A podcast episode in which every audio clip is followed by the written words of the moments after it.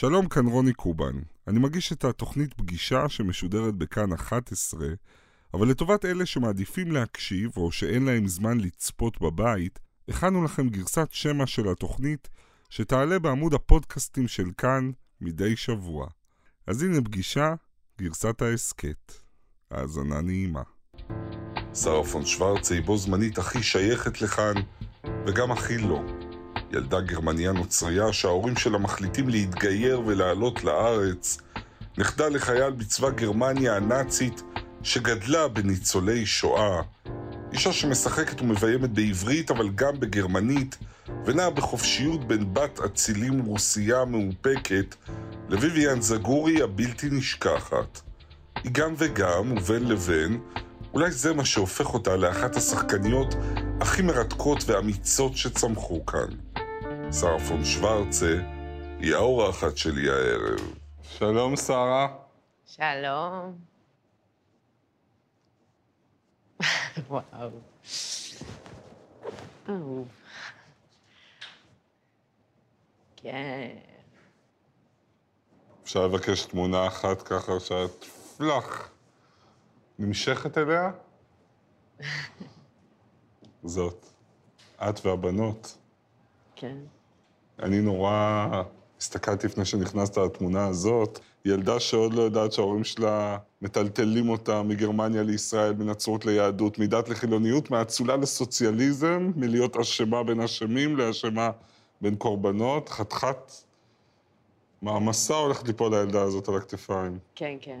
אבל בסופו של דבר אני מודה על החיים המאתגרים האלה. ונדמה לי שהילדה שהיא את, הייתה חייבת בעצם לשחק בשביל לשרוד. זאת אומרת, היית חייבת להתאים את עצמך כל הזמן לסיטואציות מורכבות ולדעת כן, כן. היית...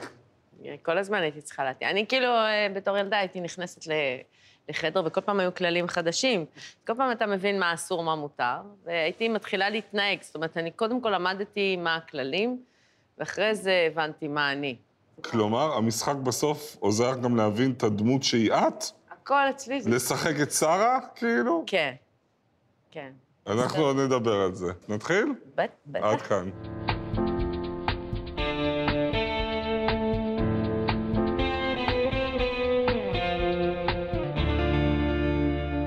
שלום לשרה פון שוורצה, שלום. שחקנית נפלאה, במאית, אומנית, אישה שמאחוריה סיפור חיים מורכב, שיכול לפרנס כמה גלגולים. חלק מהקריירה המפוארת שלך, בתיאטרון שיחקת את ילנה בהדוד וניה, גרטרוד בהמלט, ראיתי כמה פעמים, ללי בחברות הכי טובות, כנ"ל, קריסטינה בנורה של איבסן, כתבת את ההצגה בין שני עולמות שמבוססת על סיפור חייך, וגם שיחקת בה את עצמך. בטלוויזיה מעורב ירושלמי וסרוגים, ויvian הבלתי נשכחת בזגורי אימפריה, מרי נחמיאס בפמטה, עכשיו בכאן 11, את ראש המוסד בסדרת טהרן. משחקת בימים אלה בבן, בקאמרי ובציפורים בגרמניה, שגם ביימת. כן. זוכת שני פרסי תיאטרון, פרס אקדמיה אחד, אימא לשלוש בנות, תודה שבאת. תודה לך שהזמנת. את יודעת, בכל הרשימה לא הזכרתי את העובדה שאת מומחית לשפת גוף, ואם אני אבקש ממך עכשיו קצת להדגים, נגיד, אפשר? כמה טייפקסטים. הטייפ כזה. נגיד, אני, אני, אני אזרוק לך, נגיד אה, הברונית פון שוורצה. אז מה אתה רוצה לדעת? מהמם. אוקיי, ונגיד ויvian זגורי. מה, מה, מה השאלות שלך עכשיו? וואו, זה מדהים היה, המעבר. ומנהלת בכירה קשוחה, נגיד פרקליטת מחוז.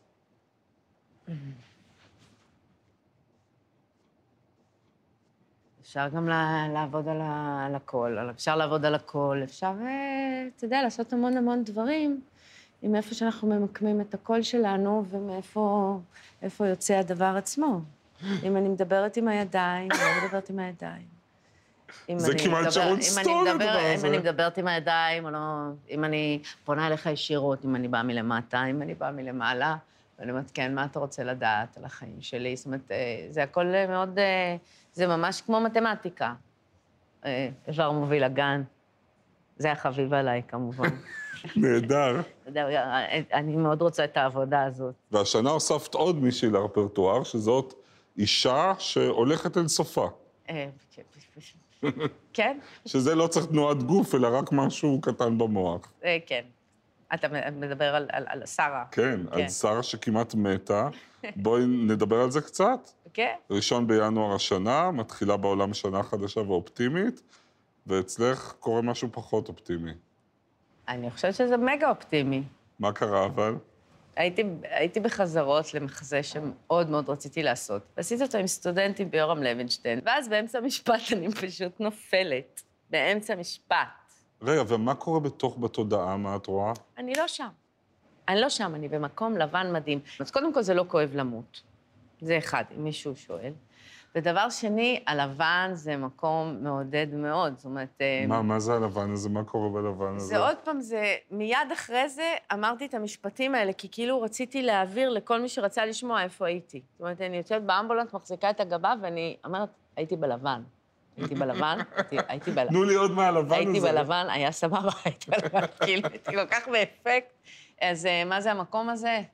לא יודעת, אני נמצאת במקום, אני לא אני, כאילו, לקח לי זמן לחזור להיות שרה, אני לא אני, אני חלק מלבן, וואו. שיש בו גם נוף, אני לא יכולה לתאר לכם, אבל יש בו נוף יפהפה, אבל הוא לבן. ואין שם טוב ורע. אתה לא אומר, יא, איזה באסה, אני לא אראה את הבנות יותר, וואו, איך עזבתי, מה... אין לך, אין טוב ורע, אין שפיטה. לא, אתה רק מתבונן. בקיצור, למה לחזור? בקיצור, לא, אל תתבאס. קודם כל, כולנו צריכים לדעת שזה מתישהו יקרה, ואני יכולה לנחם אתכם בעובדה שזה... שזה די מרתק. כאילו, משהו התנקה בי בפחד הזה מזה, זאת אומרת... ורגע, נרוץ עם הסיפור, את חוזרת? אני חוזרת, ועולה על אמבולנס שאני משובשת קצת, עם זעזוע מוח קשה. בסוף את יושבת מול נוירולוג. בכיר, והוא נותן לך את הדיאגנוזה, מה הוא אומר לך? הוא אומר לי, יש לך מפרצת. מפרצת במוח. כן. אומרת, אוקיי, מה זה אומר? אה, כן, צריך לעשות ככה וככה, הוא מצייר לי, מכניסים לך סטנטים למוח, אמרתי, מה? סלילים? מה? אתה יודע, אני כדור אקמול לא לוקחת, אני מפחדת שמישהו ישבש את הקונספט המדהים שהוא אני, כאילו, אני לא לוקחת כדור. אמרתי, אני מכניס לך סלילים למוח? ואני מסתכלת עליו ואני אומרת לו, תשמע, אני צריכה לטוס לחו"ל באפריל, זה לא כל כך... מתי, מתי? הוא אומר לי, לא, לא טס, לא ככה. אף אחד לא יכניס אותך למטוס. ורק כשהוא אמר לי את זה, הבנתי שאני... שאני, וואו, שאני אה, לא קולטת מה קורה. עכשיו, אני רוצה להבין, מפרצת במוח זה אומר שאת מסתובבת עם פצצה מתקתקת בראש, נכון? ממש. כמו בלון מלא בדם, כן. שאם הוא מתפוצץ... והוא בכביש 6 במוח שלי, בצד הימני היחיד שעובד, כי השמאלי לא אפס. שמות, מתמטיקה, זה לא... היה פחד, שרה, ש... את יודעת, מתעסקים פה במוח, ב mind. כן. עד שהבנת לעזאזל מי את, שפתאום תצאי אחרת? אני יודע. חשבתי שאולי זה ייגמר, הפורמט הזה. אז עשיתי חגיגות. חגיגות לפני? כן. פרידה? לא פרידה, לא קראתי לזה פרידה, אבל uh, לא ידעתי איזה פורמט אני אצא, בכל זאת יש לי חששות. השתנית? כן. מה השתנה בך? אני לא התפרצתי על אף אחד מהראשון לראשון 22. לא יכול להיות. נשפט לך. אין צעקות, אין... לא צעקתי על אף אחד, ממש כאילו כמו שהיה לי, כי הייתי, כאילו, הייתי יכולה לאבד את זה. כן, אני יודע, ואדם עדיין עולה... איפה אתה יודע? אה, שמעתי. כן, אני יכולה... לא ראיתי, אבל שמעתי. הייתי יכולה, כאילו, כשאני מתעצבנת, לא כדאי להיות לי. ו- ו- אבל נגיד מאז אני בטוח כשאת מאוד כועסת או משהו, אז מה? אני לא, אני כאילו, אני יותר מהר בוכה. אני ישר בוכה. אולי אני נהיית נשית. אה, כן, אני כאילו לא... הכעס, הכעס, הזעם הזה שהיה בי אה, על מה שעושים לי ומה שלקחו לי, הוא לא, הוא לא קיים. ולא חשבתי שאני אצליח, אתה יודע, עשיתי טיפול פסיכולוגי, עשיתי טיפול אלטרנטיבי, ופיתחתי את השיטה של שפת גוף, והתקדמתי והשתפרתי, וכל הזמן אמרתי, טוב, זה כנראה לא תצליחי לפתור את, ה, את הזעם, הזעם הקדוש ש, שיש בי לפעמים. ואני... והוא הוא, כאילו עד עכשיו לא, לא, לא באמת חזר. אז השתניתי, כן.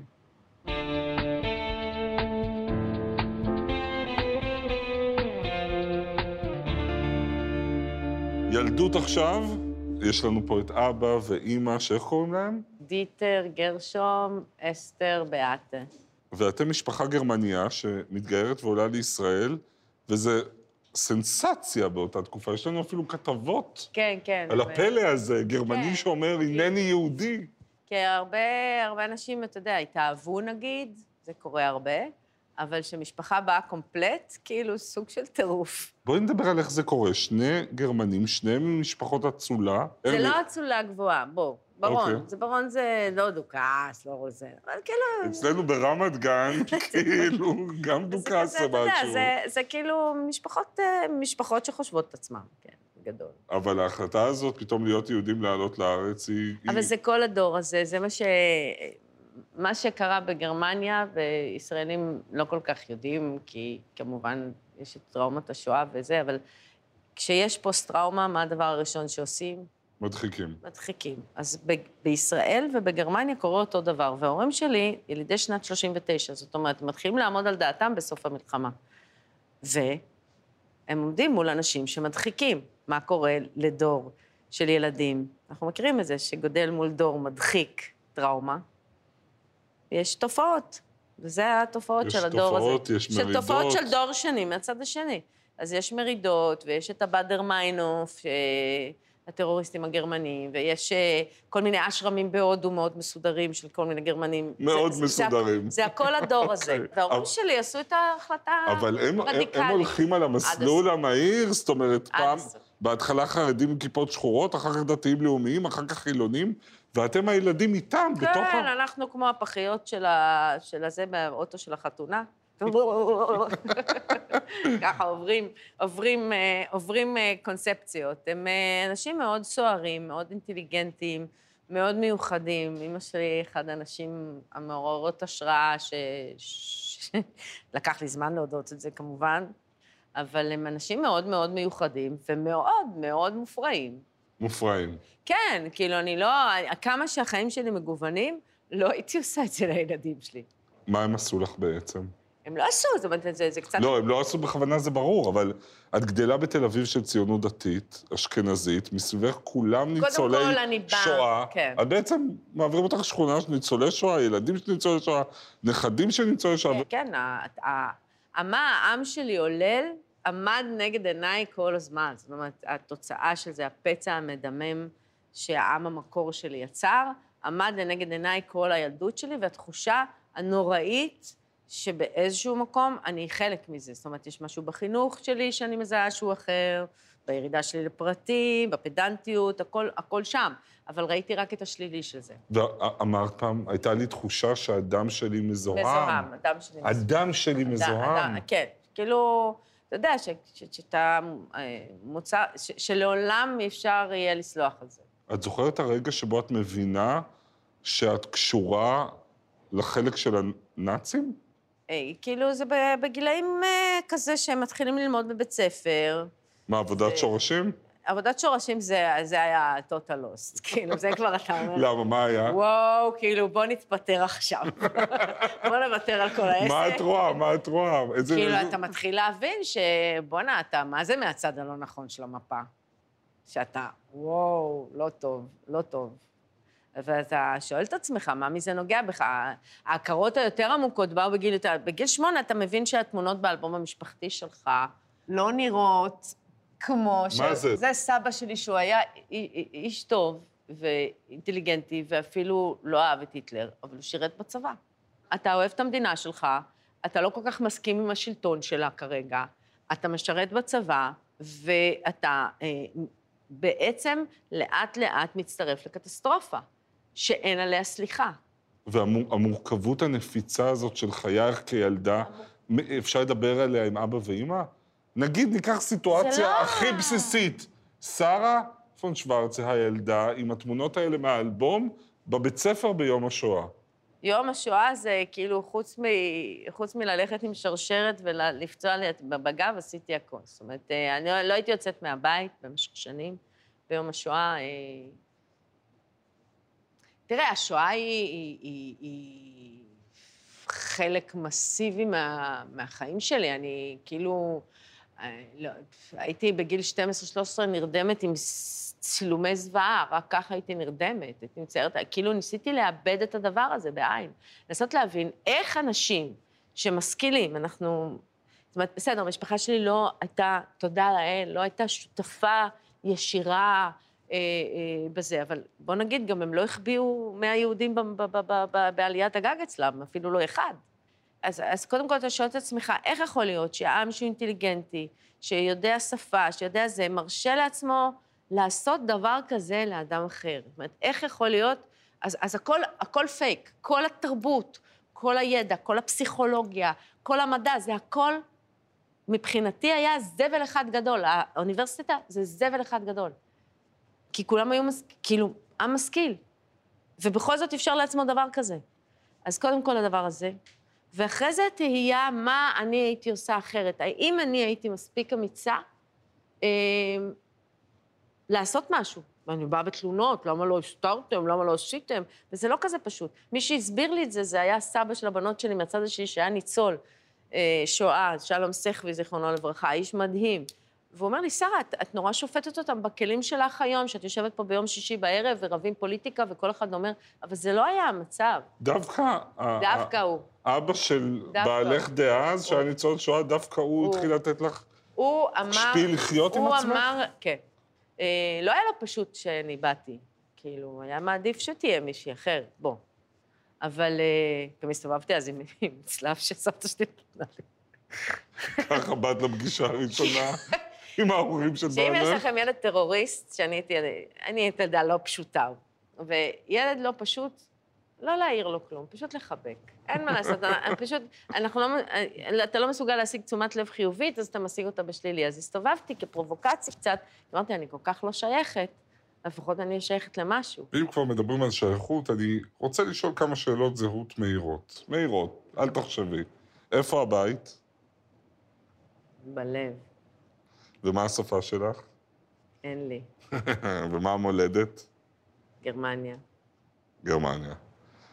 כי הצורך בהגדרה עצמית הוא הרי הדבר הכי בסיסי שיש. איך את מגדירה את עצמך? אני, נגיד, גבר ובעל ואבא ויהודי וישראלי ועיתונאי, ואת?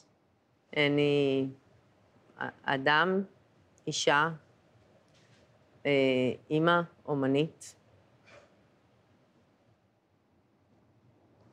ואיך מכל אה, הדבר הזה יוצאים בכלל שפויים? אה, זה הכל בחיים, או שהאוטובוס עובר עליך, או ששרדת את זה, או או שלא. זאת הבחירה שיש לך. זאת אומרת, אם אתה חי, בר- ברגע שעברת משהו, אם אתה חי, יש לך בחירה לקרוס לתוך זה, ויש לך בחירה להיבנות מזה. אני תמיד אעדיף את, ה, את הלהיבנות, אנחנו יכולים להיות כל הזמן קורבן של החיים שלנו. אבל מצד שני, תראה איזה כלים מדהימים קיבלתי. איזה יכולות מדהימות קיבלתי, שלא הייתי מקבלת לולא המפגש הזה. אבל תגידי, רק שאלה אחרונה אפרופו זה. בסדר, עובר אלינו אוטובוס, אנחנו קמים. אבל אני בטוח שהיו תקופות שהאוטובוס עבר, ואז עבר עוד אחד. אה, היו רגעים שהתהום הייתה נראית לך אופציה? ברור. ברור. מה אסור להגיד? מותר, ברור. לא, זה הכי אנושי בעולם. ברור. ומה עשית אז? פשוט נפלת? אה, לא, זהו, שאני... החינוך, ה... החינוך הגרמני בקטע הזה הוא...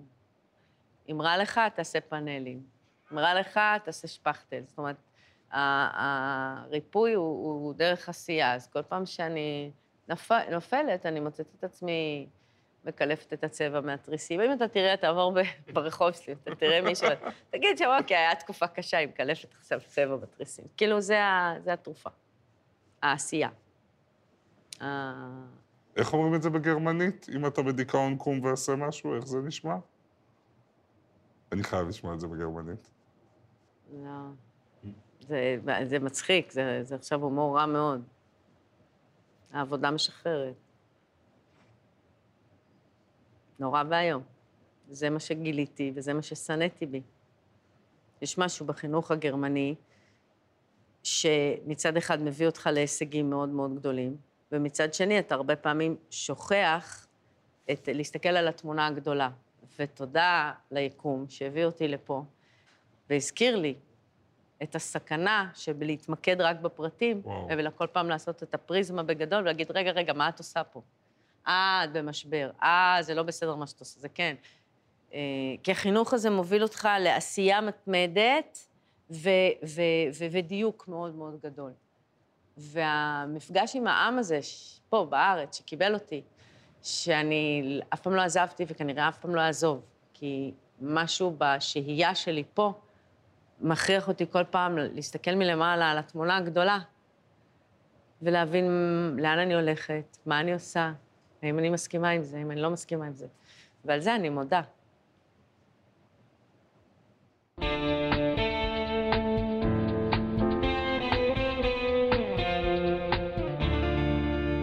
עכשיו ככה ניגע בכמה מה... כמה, קמצוץ מהתפקידים שלך. נתחיל מאחד התפקידים הכי זכורים, בטח בטלוויזיה, מונולוג בלתי נשכח מתוך זגור אימפריה. אז יצא לי מהבית הזה בנישואים איתך. עקרת בית, עקרת בית שמנקה בשביל שמונה ילדים, שכל הזמן חושבים שהיא משוגעת. אז אני משוגעת, כן, אימא משוגעת! נפלה על השכל זאת. כל הנעורים שלי, אני בזבזתי עליך. כל השקרים וההבטחות שלך, אתה עשית ממני אפס! בדיוק כמוך, אז מה לעשות, כן? מה לעשות? אני מצאתי מישהו שלא חושב שאני משוגעת, שלא מתייחס אליי כמו אפס, שרוצה לקחת אותי, רוצה לקחת אותי לטיולים בחוץ לארץ, כן! אז מה עדיף, תגידו לי, אה? מה עדיף? מה עדיף לי? אה? ללכת איתו? או להישאר כאן, לבשל ולנקות לכם? תגידי לי את, מירי, מה עדיף? אה? פתאום את שותקת. אה, פתאום כולכם שותקים. אתם מעדיפים שאימא שלכם תרכב כאן איתכם בבית במקום שתהיה מאושרת במקום אחר. אני לא צודקת? כל אחד, כל אחד מתוקה שלי, הוא דואג לאושר הפרטי והמסריח שלו. אז הנה אימא, הנה הגיע פתאום האושר המסריח שלי. הצופים לא רואים, אבל כל הצלמים פה, ואלון המפיק ושרון הבמאית, הם עצרו את נשימתם, ואני, יש לי דמעות בעיניים. מה זה? והיה לי הזכות לארח אותה. תראה, ההיסטוריה הנשית לא נכתבה. לא נכתבה. לא נכתבו הכאבים שלנו, ולא נכתבו הפגיעות שלנו, ולא נכתבו תקרת הזכוכית שלנו, והדמות הזאת היא מתנה גדולה, זה לצעוק את התקרת זכוכית שלה. אני חייב אבל לשאול על האיך, כי מי שלא מכיר את ההיסטוריה שלך, היה הרי בטוח שאת מרוקאית מהבית. את, את יצרת זהות מוחלטת בינך לבנה. איך, איך נולדה, איך הולדת את ויvian זגורי? זה... יש לזה... זה, זה מתמטיקה. זה מתמטיקה. זאת אומרת, אתה יכול לקחת מהשפת גוף שלך, אחרי שאתה מכיר בטראומות שנכתבו בך, אתה יכול לקחת עד שני אלמנטים שאתה משנה אצלך. אוקיי, ש- לא יותר. אז מה ש- תעשי שלוש, אתה כבר תסתבך. תגזים. אז מה, מה שינית? אז אחד, שיניתי את הנגינה של השפה. כאילו, את הקצת, את הקצת מבטא, לא מבטא יותר מדי, רק פלר. רק לתת כיוון. אז- בסופו של דבר, בפנים אנחנו כולם אותו דבר. כולם איך- רוצים קצת הכרה, קצת אהבה, קצת תשומת. תראי לי רגע את המטמורפוזה ל... אוקיי, אז קודם כל, היא, היא לא מסתכלת בגובה העיניים, היא מסתכלת מלמטה, כי, כל, כי יש לה שמונה ילדים, ואיפה שהיא לא נכנסת יש בלגן ובגדים, ולמה הנעליים פה, ולמה החולצה פה, והדיבור, זהו. ועל זה אני מוסיפה צמידים, ואת הבגד. הבגד, אני לא צריכה לעשות איתו כלום, הוא שם. את הצמידים, הם עובדים מעצמם, ואז אני מתכתבת איתם, יש איתם דיאלוג. אז אתה בעצם, שיניתי את, ה, את הנגינת דיבור ואת המבט מלמטה. והכל נופל עליה כל הזמן. עד שהיא היא, היא רוצה, היא רוצה להשתחרר, כמו שכולנו רוצים להשתחרר. אי אפשר שלא לשאול על הפרטנר שלך בסדרה, משה איבגי, שלא יחזור לעונה שמצטלמת עכשיו. הוא שוחרר לא מזמן אחרי שריצה חמישה וחצי חודשי מאסר בכלא על הטרדה מינית ומעשה מגונה וסיפורים מחרידים ומזעזעים. זה הפתיע אותך כשזה התחיל להתפרסם? אם אני הייתי נחשפת למשהו שנעשה מול עיניי, אני לא הייתי שותקת, אף פעם לא שתקתי. זה מה שמסובך, שאתה מכיר בן אדם ואתה אוהב אותו, והוא מתגלה שהוא עשה X או Y או Z.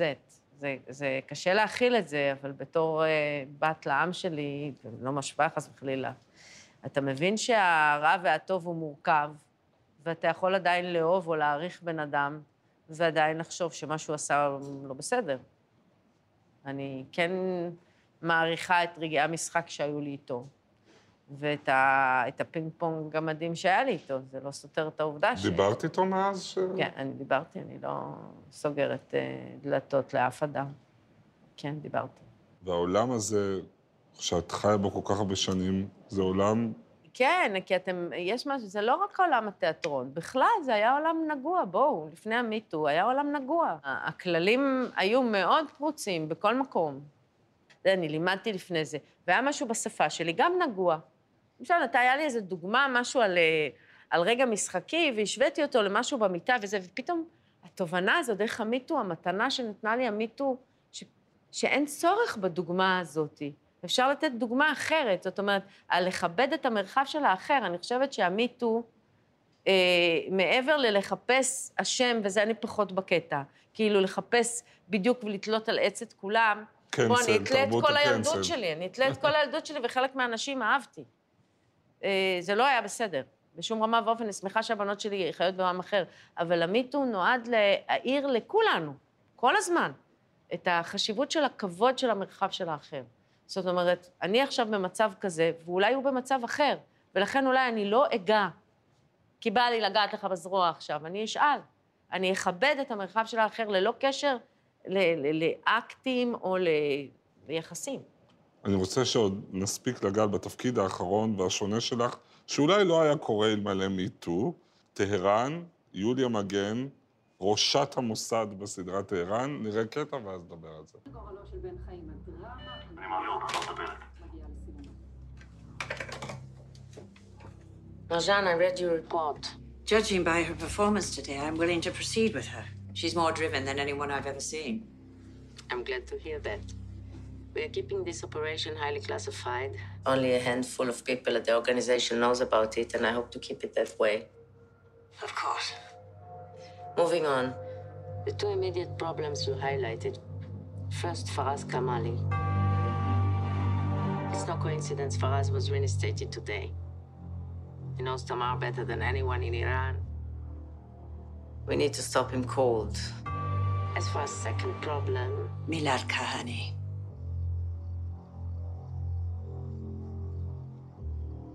As long as he's there, he's putting us all at risk. Marjan, these problems need immediate attention.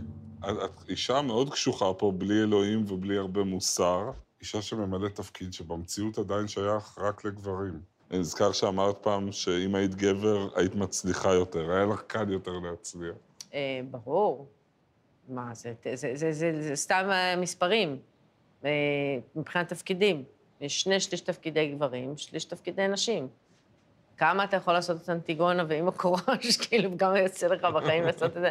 כאילו, אה, זה, זה רק עכשיו מתחיל להשתנות בתיאטרון בכלל. בקולנוע זה תודה לאל השתנה, אבל גם כן, כל העשייה הנשית היא תמיד בפורמטים עם פחות כסף. מאוד מאוד קשה לאנשים להפקיד, להפקיד בידיים של אישה מיליון שקל. כן, לביים, לביים. שקל. אנשים אז לא יודעים, אבל את, את הדרך שלך כדי לביים, חצבת בדם. בדם.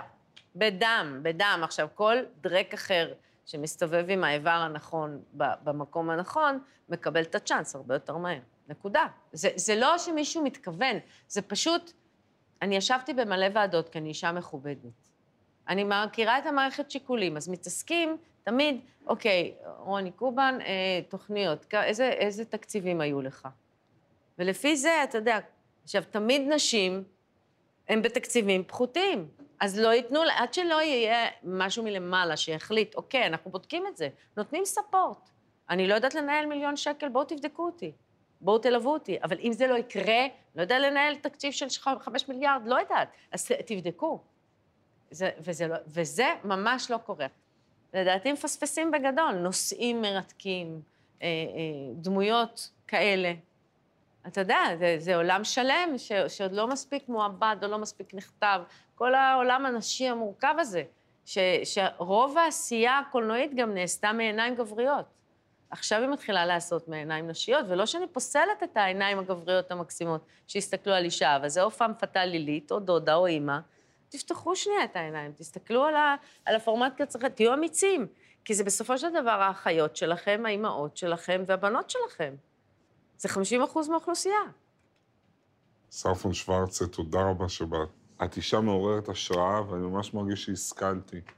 באמת. ותודה רבה שבאת, באמת אתה תודה רבה. מקסים ואהוב עליי.